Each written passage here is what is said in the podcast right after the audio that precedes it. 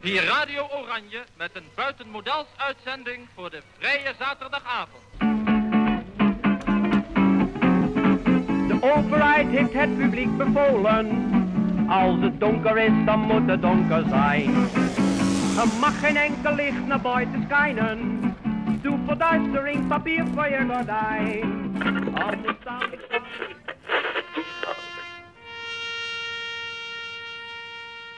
Bezet. Audiomonumenten van de stad Amsterdam. Wij liepen natuurlijk toch een groter risico dan mensen die alleen maar iemand in huis namen. Wij, wij zaten in de, in de organisatie, als het ware, van, van dat onderduiken. En dan loop je natuurlijk toch een groter risico dat, dat er eens iets misgaat.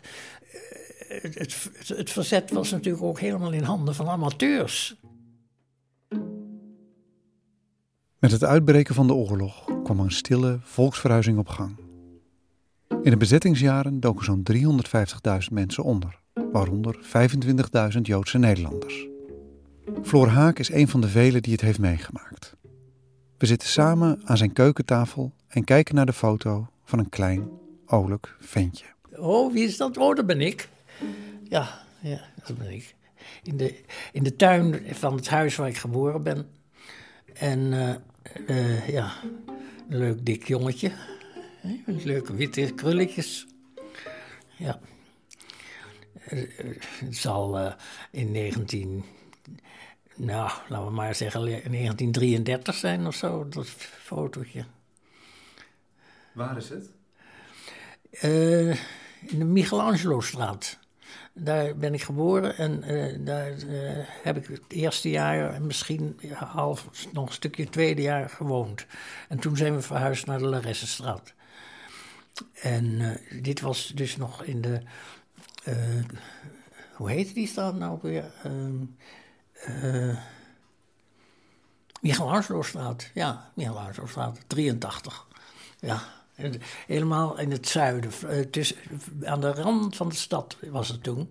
Het was ten zuiden van de stadionweg. En als je dus die straat uitliep, dan kwam je op de. eh, in het Zuider-Amstelkanaal heet dat, geloof ik. En daar begon het zand. Daar was de stad afgelopen. Ja.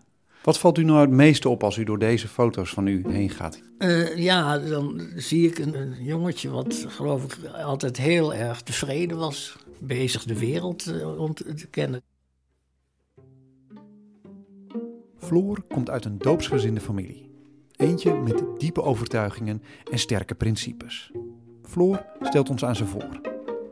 Ik begin met mijn moeder. Zij was iemand die eh, in de ogen ook van, van alle mensen eh, iets uitstraalde wat, ehm, ja, wat indruk maakte. En, en, en, en, maar ze was altijd helemaal zichzelf. En mijn vader die was eh, wiskundeleraar en die eh, had het daar druk mee. Op het Amsterdam systeem, dat was nog echt zo'n klassieke sch- school. Daar hadden de leraren bijnamen en hij, hij heette de Lijn. En hij, dat past wel. Rechtlijnig en, en eh, zoals je misschien ook van een wiskundeleraar verwachten kan. En eh, had dus, eh, eh, denk ik, duidelijk eh, zijn ideeën over hoe zijn kinderen moesten zijn. Eh, Dat moest eh, passend zijn, dus harmonisch zijn. En ehm, die, die oudste twee, Jur en Mieke, die, ehm, die waren ook zo. Dus daar hadden ze geen, geen kind aan, om zo te, maar te zeggen. Maar met nummer drie had hij dus, dat was Tineke, daar had hij dus grote moeite mee. Want die, ja, die was in zijn ogen eh, veel te nonchalant.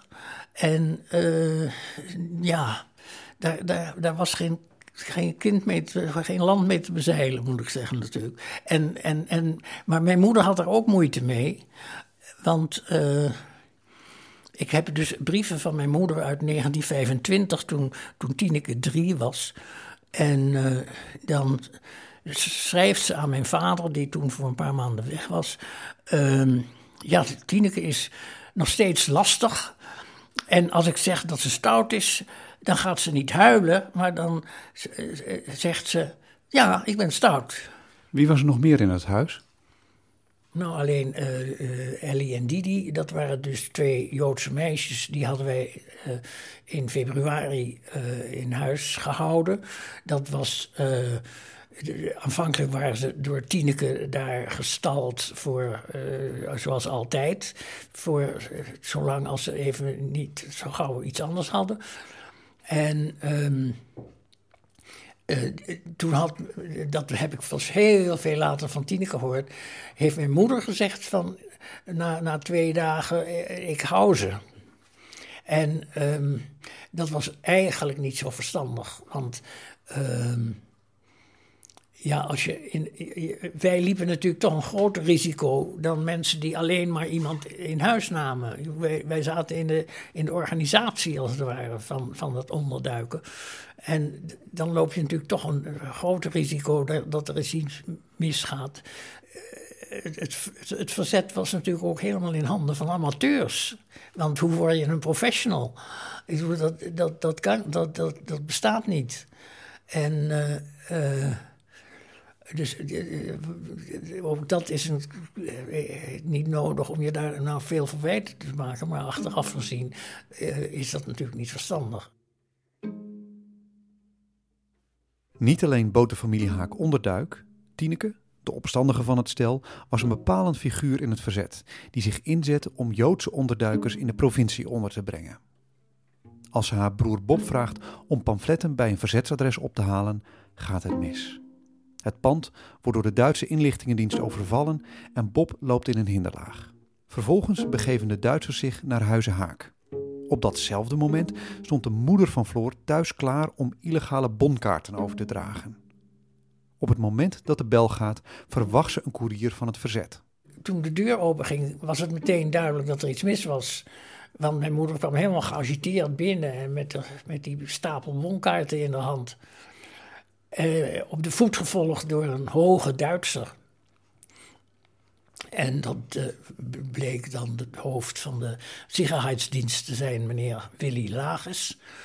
En, uh, en achter, achter die, achter die hoge Duitser waren er nog één of twee. En mijn moeder achter mij was dus het grote raam van die erker. Voor me was er een, een, een, een salontafeltje. En mijn moeder ging recht naar die, dat tafeltje toe met het idee om die bonkaarten achter dat eh, kleedje tussen de kranten te stoppen. Ik werd toen onmiddellijk naar, naar bed gestuurd. Dus ik heb het verder niet meer meegemaakt hoe dat ging.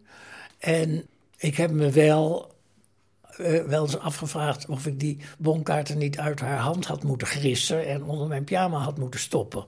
Ik realiseerde me dat dat natuurlijk, die, dat hadden die Duitsers natuurlijk ook meteen gezien. Dus dat, dat, dat, dat was geen optie geweest. Maar goed, eh, ja, ik heb het dus toen in mijn bed heb ik. Ik heb de deur natuurlijk opengelaten. En ik hoorde dus op een ogenblik dat ze daar weggingen. En ik hoorde dat die Duitsers uh, samen met mijn ouders de trap afgingen naar, naar beneden. En uh, ja, dat, dat, dat verbaasde me niet. Dat, dat zat erin. Daar ben ik op zichzelf dus verder niet zo verschrikkelijk van geschrokken. Mijn zusje Mieke, die dus toevallig thuis was, uh, die ging dus wel onmiddellijk naar boven om mij dat te vertellen, maar dat wist ik dus al. Dat ze mijn ouders hadden meegenomen. En uh, ja, dan realiseer je, je absoluut niet wat er gebeurt. En, en het is natuurlijk ook zo dat het, dat het op dat ogenblik niet zo'n verschrikkelijk groot drama was als dat het uiteindelijk geworden is. Het is pas een drama geworden toen ze na een half jaar niet, niet verder vrijgelaten. Want we hadden gedacht, nou ja, wat, het is allemaal niet zo heel erg wat ze hebben gedaan. En uh, de, de, de, kruidenier om de hoek was, die was, uh, was ook opgepakt geweest en was na een half jaar vrijgelaten. Dus op een, een of andere manier waren wij er een beetje van overtuigd dat ze over een half jaar terugkomen. Dus dat was, het was niet zo, zo, zo dramatisch als het, als het later geworden is.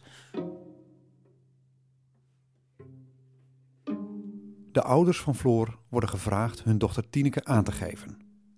Dat weigeren ze. En als gevolg worden ze naar de concentratiekampen gestuurd om daar niet meer levend uit te komen. Ellie en Didi Kroos, de twee Joodse meisjes die waren ondergedoken, werden bij de inval niet ontdekt.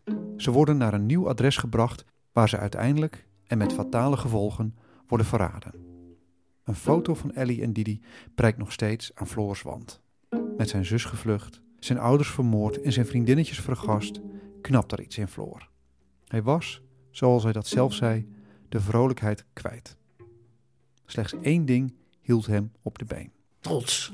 Ja, eh, dat heeft mij gered, denk ik. Toen uh, het bericht doorkwam dat mijn vader was overleden, um, toen uh, overleden is een verkeerd woord voor de werkelijkheid. Uh, toen werd dat natuurlijk op school herdacht. Uh, dat uh, was natuurlijk een prachtig moment. De, de, de, de, rectrix van die school, waar die dus samen met mijn vader die school had opgericht, vroeg aan mij of ik erbij wilde zijn bij de herdenkingsdienst. De school werd bij elkaar geroepen in, in het grootste lokaal. En ik had gezegd ja, ik wil daar wel bij zijn niet uh, vermoedend dat ik daar helemaal in huilen uitbarstte. Maar dat was niet erg. Dat, toen kwam de Franse lerares uh, langs en die gaf mij een dikke zoen en die zei: Je kan trots, trots op ze zijn. En um, ik denk dat dat. Uh, dat ik, ik vraag mij dus wel af of ik wel voldoende.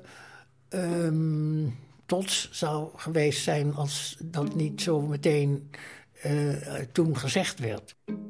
Het, het, heeft geweldig geholpen.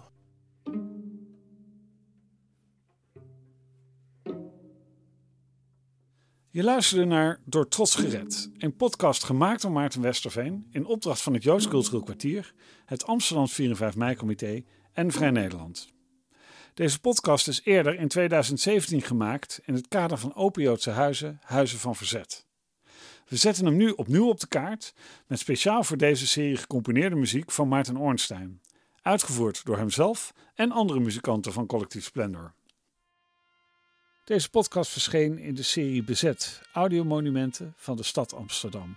Vergeet je niet te abonneren op onze feed, want in de aanloop naar 4 en 5 mei verschijnen hier meerdere verhalen.